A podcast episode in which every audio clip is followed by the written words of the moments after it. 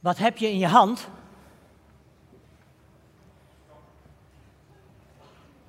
Dat vroeg God aan Mozes toen hij bij de brandende struik stond. Zijn staf, zijn herderstaf, die had hij al 40 jaar in zijn hand bij het leiden van de schapen. En toen even later zei God tegen hem: Gooi die staf eens op de grond. En het werd een slang. Nu niet gelukkig.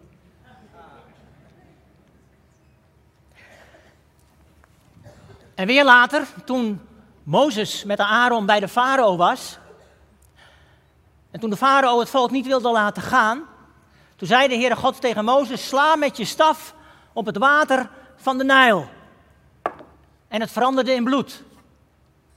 En die staf van Mozes werd zo het symbool van zijn dienst voor de Heer. Zijn leven lang. Wat heb jij in je hand waarmee jij de Heer mag dienen? Ik neem jullie mee naar Hebreeën hoofdstuk 11, waar te midden van allemaal geloofsgetuigen uit het Oude Testament ook Mozes beschreven wordt. Hebreeën 11 vanaf vers 24. Door zijn geloof weigerde Mozes, toen hij volwassen werd, aangesproken te worden als zoon van een dochter van de farao. Liever werd hij even slecht behandeld als het volk van God, dan dat hij vluchtig voordeel had bij de zonde. Omdat hij uitzag naar de beloning, waardeerde hij de smaad van Christus hoger dan de schatten van Egypte. Door zijn geloof verliet hij Egypte zonder angst voor de woede van de koning. Hij volhardde als zag hij de onzienlijke. Door zijn geloof liet hij het Pesachfeest vieren en de deurposten met bloed besprenkelen, opdat de doodsengel Israëls eerstgeborenen geen haar zou krenken. Hebreeën 11, het hoofdstuk van allemaal geloofsgetuigen, mannen en vrouwen uit het Oude Testament, die samen met God op weg waren, die hem gehoorzaam zijn geweest, die in het strijdtoneel hun strijd hebben gestreden. En die daarna in de hemel zijn gekomen bij de Heer, hun ziel, en vanaf dat punt toeschouwers zijn. Zoals Hebreeën 11 eigenlijk laat zien dat we in een arena aan het worstelen zijn, onze strijd voeren, terwijl die oud-testamentische gelovigen eigenlijk op de tribune zitten en toekijken naar ons. En ons aansporen, ons toejuichen, kom op, voor de Heer, ga ervoor. En zo ook Mozes. Hij kijkt ook toe naar ons en spoort ons aan. En ik stel me zo voor dat hij daar nog steeds staat met zijn staf in zijn hand. Doe maar, hou vol. Het mocht mij ook lukken met hulp van God. Drie kenmerken wil ik met jullie delen die in deze versen die we gelezen hebben over Mozes gezegd worden. Mozes was onderweg heel zijn leven lang. Mozes was leider over het volk Israël door God aangesteld. En Mozes was gehoorzaam aan God al die tijd dat hij het volk mocht leiden. Drie kenmerken waarin hij ook leek op Jezus. Jezus, die ook onze leidsman is. Die altijd gehoorzaam is aan de Vader. En die ook altijd onderweg was toen hij hier op aarde was. Het eerste, Mozes was altijd onderweg. De eerste 40 jaar van zijn leven kon hij genieten. Genieten van zijn opvoeding aan het hof van de farao. Hij was een prins. En hij had nog geen staf in zijn hand. Misschien dat hij er wel op rekende dat hij later een scepter in zijn hand mocht houden. Hij kreeg de beste opleiding die er was in die tijd. Maar gaandeweg die 40 jaar ontdekte hij dat hij niet thuis was. Dat hij geen Egyptenaar was, maar een Jood, een Israëliet. Dat hij eigenlijk daar niet thuis hoorde in het paleis van de farao. En op een gegeven ogenblik heeft Mozes de beslissing genomen om die schatten van Egypte, die rijkdom waarin hij was opgegroeid, die luxe en wilde, waar hij jaren van genoten had, om die achter zich te laten. En om naar zijn volk toe te gaan. Om de armoede van de Joden die vervolgd werden, om die armoede op zich te nemen. En toen hij opkwam voor zijn volk en een Egyptenaar doodsloeg, toen moest hij vluchten. En toen was hij pas echt onderweg. En toen vluchtte hij helemaal naar het gebied waar hij een man ontmoette die zijn schoonvader werd, Jethro. En dan verbleef hij als vreemdeling 40 jaar, 40 jaar in de woestijn. Herder over schapen. En 40 jaar was hij schaapherder en hield hij de herderstaf in zijn hand. De staf waarmee hij zijn schapen beschermde. Naast de stok waarmee hij wilde dieren weghield van de kudde. 40 jaar van dwalen door de woestijn. Hij was niet thuis, hij was onderweg. En toen, toen kwam het moment bij die brandende braamstruik. En God riep hem. En God zei: Mozes, ik wil dat jij het volk uit Egypte leidt. Maar let op, de farao zal niet luisteren. En al die tien plagen, dan vertrekken ze uit Egypte. En dan is Mozes weer onderweg. Weer 40 jaar onderweg, van zijn tachtigste tot zijn 120ste. En toen was hij echt in dienst van God. Met de staf in de hand, op weg. Voor het volk uit, door de woestijn. En ik denk als Mozes toen geweten had dat dat 40 jaar zou duren, dat hij er niet aan begonnen was. En het zou het ook maar twee jaar zijn. En toen waren ze al bij de grens van Canaan. Maar toen wilde het volk niet vertrouwen op de Heer. Het had het geloof niet. En Mozes ging voorop en hij zei: Kom op, we kunnen het. Samen met Aaron. 40 jaar door de woestijn. 40 jaar onderweg. Maar Mozes wees steeds op de zorg van God. Dat God met hen onderweg was. En zo is ook Jezus hier op aarde steeds onderweg geweest. En ook Jezus verliet zijn hemelse heerlijkheid, waarin hij al eeuwig was als God.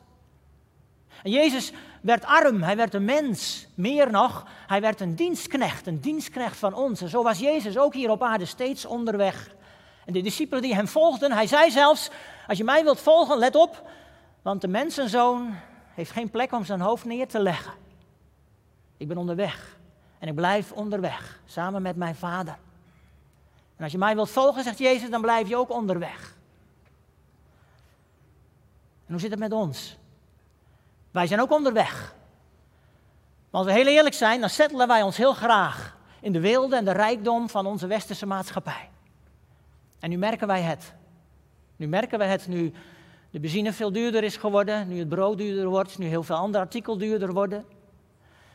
En nu gaan we klagen, want het, het wordt minder. En zeker als je het al niet zo breed hebt, dan merk je het in je portemonnee. En dan merken we, wij hebben hier geen blijvende plaats. Wij zijn onderweg. Het is belangrijk om niet vast te zitten aan al dit aardse hier. Oh, dan hoor ik zelfs christenen die zeggen van, uh, ja, als je Jezus volgt, dan word je er rijk van. Financieel. Nou, die, die Heer ken ik niet. Die Bijbel heb ik niet. Daar hebben we een woord voor bedacht: prosperity preaching. Hoe beter je gelooft, hoe meer je gaat verdienen. Nou, ik denk dat jullie met me eens zijn dat dat niet opgaat. Maar er zijn ook christenen die denken te kunnen claimen. Claim genezing. Want God die wil het geven. Nou, dat zie ik niet in mijn Bijbel. Ik zie dat we in gebrokenheid leven. Soms doet God een wonder, ja zeker. Net zoals in de woestijn met Mozes. Maar ze moesten wel geloven. En bij God aan de hand blijven. Hoe vast zitten wij aan de vleespotten van Egypte? Of durven we ook te zeggen met Mozes, we laten dat achter ons, we gaan onderweg. We zijn ons bewust ervan dat we niets van dit aardse mee kunnen nemen. Alleen wat met de Heer is, dat houdt stand. Dat we mogen delen met elkaar, hoe we elkaar mogen oproepen om Jezus te volgen, om samen onderweg te zijn. Wij zijn vreemdelingen hier op aarde. Ons koninkrijk is hier niet, ons koninkrijk is in de hemel. En daar zijn we naar op weg. Naar Jezus, die ons voorgaat. Durf je die beslissing te nemen, te zeggen van ik ga ook mee onderweg. En ik wil me niet vastklampen aan al het aardse hier. Hoe verleidelijk het ook is. Dat is het eerste, we zijn onderweg.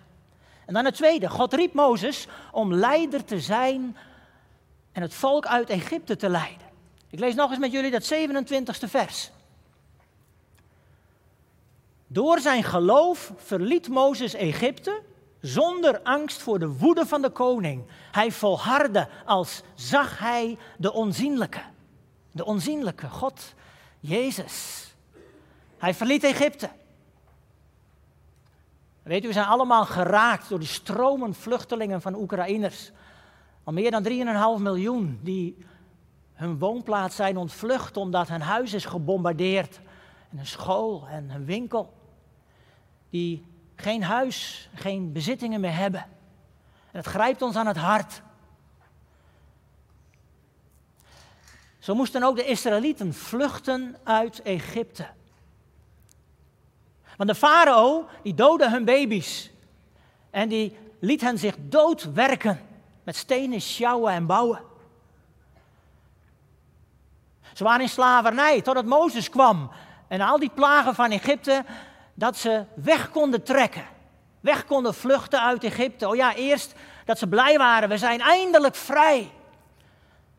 Totdat ze al heel snel het leger van de farao aan zagen komen. En ze stonden voor de Schelfzee al na drie dagen. Met de rug tegen de muur. En het dreigde weer dat ze afgeslacht zouden worden. Meer dan drie miljoen mensen. En dan zegt God tegen Mozes: Mozes, strek je staf uit over de zee. En Mozes deed dat. En het water ging naar links en naar rechts als een hoge muur staan.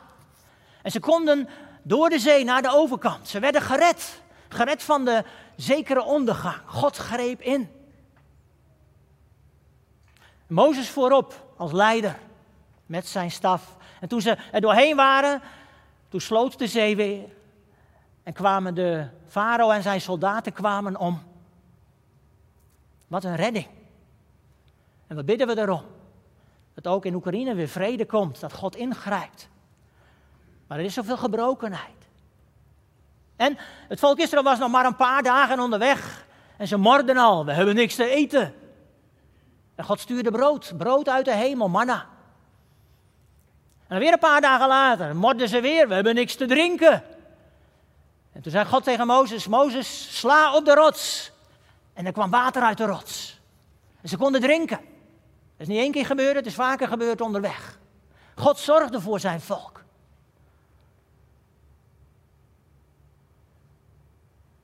Water uit de rots.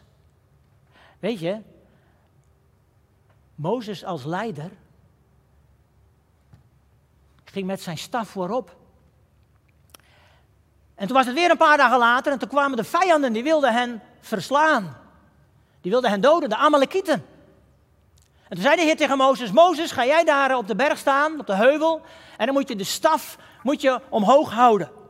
En zolang je hem omhoog houdt, gaan jullie winnen. En als je hem naar beneden laat gaan, dan gaan Amalekieten winnen. Dus Mozes is staf omhoog. En werd ondersteund door Aaron en Hur. En Israël heeft gewonnen. En weet u wat er nou zo bijzonder is? Dan staat er in Exodus hoofdstuk 17, vers 9, dat het de staf van God was. Dat is zo bijzonder. Het was de staf van Mozes, die hij al meer dan 40 jaar in zijn hand hield als herder.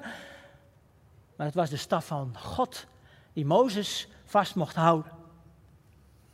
En altijd weer kijk ik daar naar dat wandwerkstuk waar Mozes staat met zijn staf omhoog. Dan denk ik, ja, zo mogen ook wij omhoog houden wat God ons in handen geeft om Hem te dienen.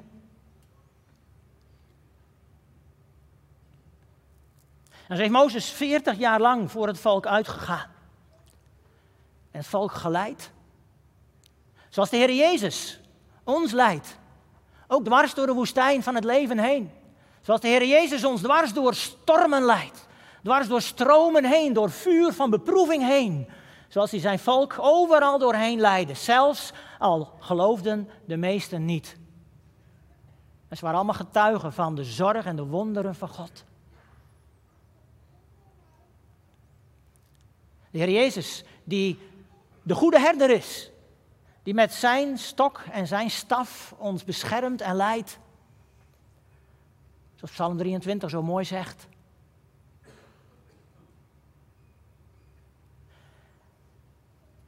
Ook in onze gemeente zijn heel veel leiders. Dat je een groep leidt, of hoofd bent, of oudste, of een kring leidt, of anderszins. En God roept ons ook op om leiders te zijn, om navolgers te zijn van Mozes. Om de mensen te helpen door de woestijn van dit leven heen te komen. Om daarin ook echt leiding te nemen, te zeggen, kom maar, volg mij maar, zoals ik Jezus volg. Paulus zegt het in 1 Korinthe 11, vers 1. Dan moet je wel weten dat je op de goede weg bent. Dan moet je wel weten dat je Jezus navolgt. Dan kun je zeggen, kom maar, volg mij maar, zoals ik Jezus navolg. Durven we dat? Niet iedereen is leider natuurlijk. Als je niet leider bent, dan heeft God wel een andere taak voor je. En heel veel mensen doen een taak in de gemeente. En die mag je ook doen in dienst van God en daarin Jezus volgen. En laten zien dat we onderweg zijn met Hem. En dat Hij je wil helpen bij het doen van je taak. Kom op, zet hem op, hou vol. We hebben een tijd achter de rug dat er heel weinig taken te doen waren, dat heel veel dingen niet doorgingen. En nu, nu alles weer wat op gang komt, nu merken we dat zoveel mensen van onze gemeente eigenlijk de taak neergelegd hebben. Zeggen van nou, ik weet het nog niet. En juist nu is het weer nodig, kom op, pak je taak weer op. En heb je geen taak, nou, er is genoeg te vinden wat bij jou past. God wil je helpen. Hij wil je weer aanstellen. Hij wil je weer zegenen en leiden. En helpen met de bediening die hij voor jou bedoeld heeft. Onderweg met de taak die God je geeft. En dan komt de derde van Mozes erbij. Hij was gehoorzaam aan God. Ik neem jullie nog weer even mee naar het 28e vers van Hebreeën 11. Door zijn geloof liet Mozes het Pesachfeest vieren en de deurposten met bloed besprenkelen, opdat de doodsengel, Israëls eerstgeborenen, geen haar zou krenken. Het moesten een lammetje slachten, elk gezin één. En dan moesten ze het bloed van het lammetje aan de deurpost strijken. Natuurlijk, een beeld van het bloed van de Heer Jezus dat ons reinigt van alle zonden. Zodat de doodsengel voorbij gaat. En het lammetje moesten ze slachten en het vlees moesten ze die nacht nog eten. Ja, het was in de nacht. Maar dan zegt de Heere God tegen Mozes, maar dan moet elk gezin klaarstaan. De jas aan en de staf in de hand. Klaar om te vertrekken. En in die nacht zijn ze ook vertrokken. Wat een plan van God om zijn volk te redden uit Egypte. En natuurlijk dat paaslammetje dat elk gezin slachten is het beeld van de Heer Jezus. Het paaslam, ons paaslam dat voor ons geslacht is op Golgotha. Trouwens, wist u dat de Heer Jezus met het volk meetrok door de woestijn? Ze waren niet alleen, God was bij hen. Ja, dat weten we natuurlijk door die wolk. Nee, de Heer Jezus was ook bij hen. Die, die leefde al eeuwig als God. Maar die ging met hem mee, die trok met hem mee van plek tot plek. Dat schrijft Paulus in zijn brief aan de Corinthiërs, 1 Korinthe 10, vers 4. Daar schrijft Paulus, let op, ze dronken onderweg door de woestijn, ze dronken uit de geestelijke rots die hen volgde. En die rots was Christus. Dat is nou bijzonder, hè? Dat hadden wij er nooit uitgehaald. Paulus onder leiding van de Heilige Geest, hij zegt dit. Ze dronken uit de geestelijke rots die hen volgde. Zo pas zagen we al, ze dronken regelmatig uit een rots. Er kwam water tevoorschijn.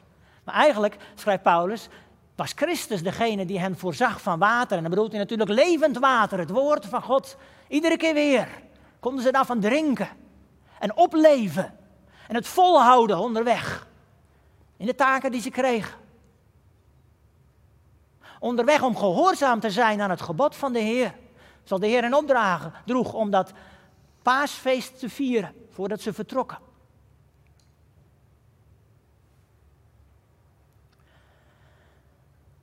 En toen ze vertrokken waren, toen trok Christus met hem mee. En met ons net zo. De Heer Jezus die trekt ook met ons mee. Maar hij vraagt wel van ons om hem te gehoorzamen Om Hem te gehoorzamen in alles wat Hij ons opdraagt. En dat is een leerschool waar we nooit mee klaar zijn.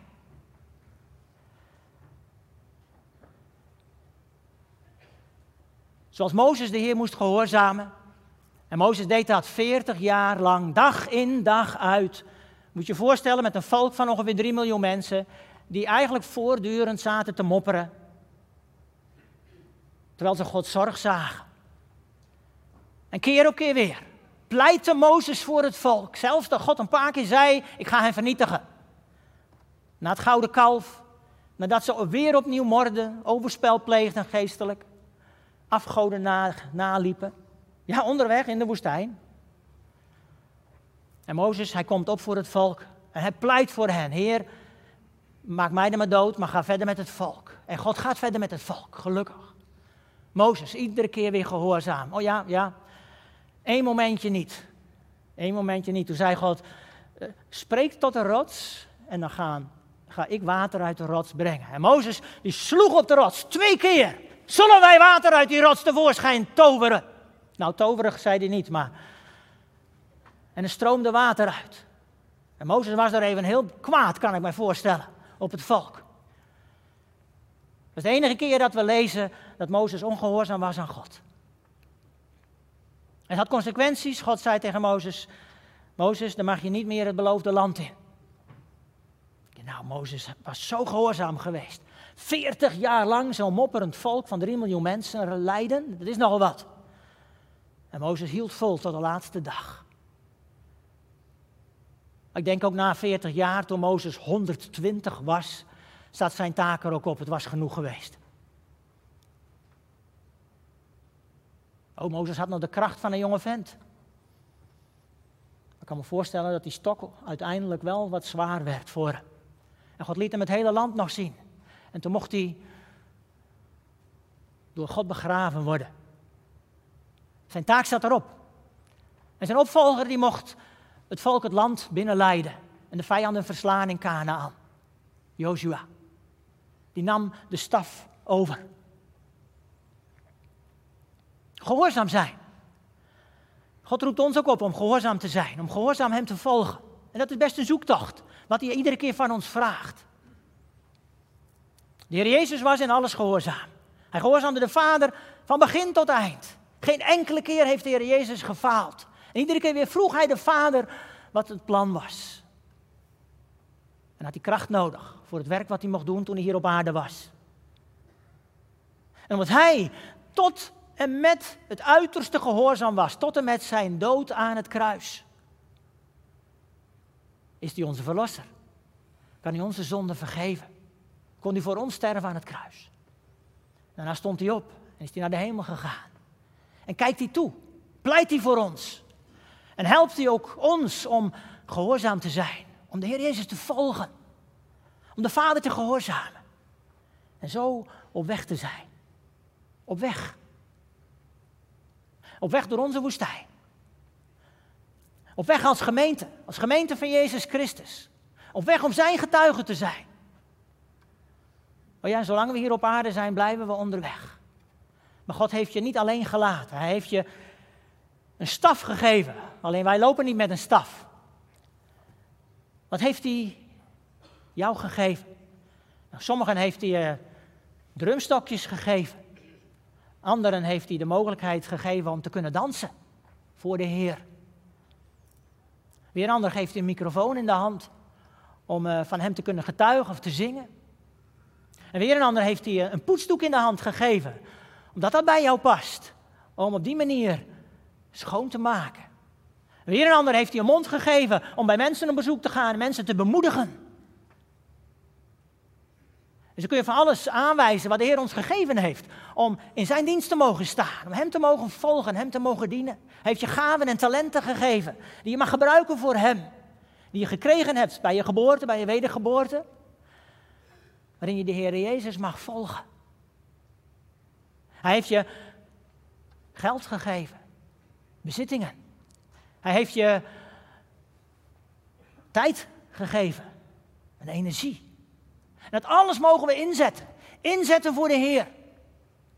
Inzetten voor zijn koninkrijk. inzetten om een getuige te zijn van de Heer Jezus. Dat alles wil Hij gebruiken.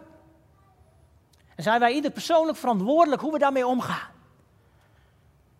En in dat alles blijven we onderweg. Ik zou bijna zeggen, roest niet vast.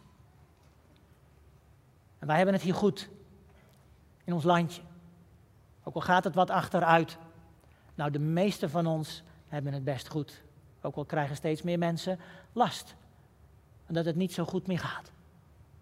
Hou je oog gericht op de Heer. En wees er bewust van dat Hij bij je is. Dat Hij met je meegaat, zoals de Heer Jezus met het volk meeging door de woestijn. En water geeft, levend water, zijn woord, waar je van mag drinken, wat je mag eten, waar je van mag genieten, dag in, dag uit. Op weg, op weg met de Heer, op weg met de goede herder. Hij die met zijn staf voorop gaat en die ons troost, ons beschermt en ons leidt. En die de geestelijke vijanden van ons af wil houden. Zodat we in grazige weiden mogen genieten van zijn heil, van zijn vrede, van zijn vreugde. En andere schapen mogen ophalen. Kom joh, hier is het goed.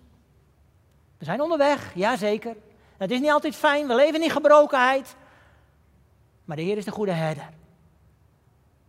hij neemt je mee en hij houdt je vast. Nu en voor eeuwig. Wat een prachtige type van de Heer Jezus, Mozes. In elk opzicht. Natuurlijk was Mozes niet volmaakt. En is Jezus dat wel. En mogen wij leren op onze beurt om ook de Heer Jezus te volgen zoals Mozes God volgde in zijn bedieningen. Zullen we daarin voor elkaar bidden? Mag ik jullie voorgaan in gebed? Heer, dank u wel. Dank u wel dat u Mozes had geroepen om uw dienstknecht te zijn. En dank u dat u hem, dat u zijn karakter gevormd heeft, die 40 jaar dat hij herder was in de woestijn. Ik kan me zo voorstellen, Heer, dat hij toen zijn, zijn volk miste. En dat hij dacht van, waar ben ik ooit beland? Hier moet ik oud worden en sterven. En toen begon het pas, uw bediening met hem. Heer, en zo roept u ook ons. Zo roept u ook ons om, om u te volgen om u te dienen met de mogelijkheden, alle bekwaamheden die u ons gegeven heeft. Dank u Heer voor al die gaven en talenten die u ons gegeven heeft. De een dit en de ander dat. Dank u voor de gemeente, Heer, waarin we mogen leren wat het is om u te dienen. Elkaar mogen ondersteunen en mogen helpen. Heer, ook op de kring om te ontdekken, wat is jouw gave? Hoe kun jij de Heer dienen? Hoe kan ik dat? Help mij. Dank u, Heer, dat we daarin ook aan elkaar gegeven zijn. Heer, we zijn zo verschillend, maar u kunt ons allemaal inzetten en gebruiken. Dank u wel daarvoor. Heer, en in de woestijn van dit leven, als we zien naar zoveel vluchtelingen, dan bidden we voor hen. Heer, geeft u hen vrede en kracht en hulp in alle trauma's die ze meemaken. En help ons om tot steun te zijn waar wij dat kunnen. Heel concreet, in praktische zaken. Heer, maar ook in gebed. Leid ons daarin. Heer, zo mogen we onderweg zijn met u. En wilt u geven wat wij nodig hebben. En dank u wel dat we op weg zijn naar u. Op weg zijn naar uw toekomst. En dank u wel voor de zekerheid dat we daar terecht zullen komen. Ook weten we niet precies hoe de weg zal zijn. Heer, we willen u de eer brengen. Alle lof en eer voor u. U de goede herder. U die ons leidt langs rustige wateren en grazige weiden. Dank u wel, heren, dat uw stok en uw staf ons vertroosten.